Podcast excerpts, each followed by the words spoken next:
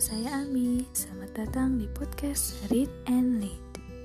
A reader of today is a leader of tomorrow. Ini adalah podcast buku nonfiksi, di mana saya akan membagikan ringkasan buku-buku nonfiksi terpop bagi teman-teman yang belum sempat membaca, sekaligus membantu mengekstraksi intisarinya agar lebih mudah dan cepat dipahami. Selamat mendengarkan.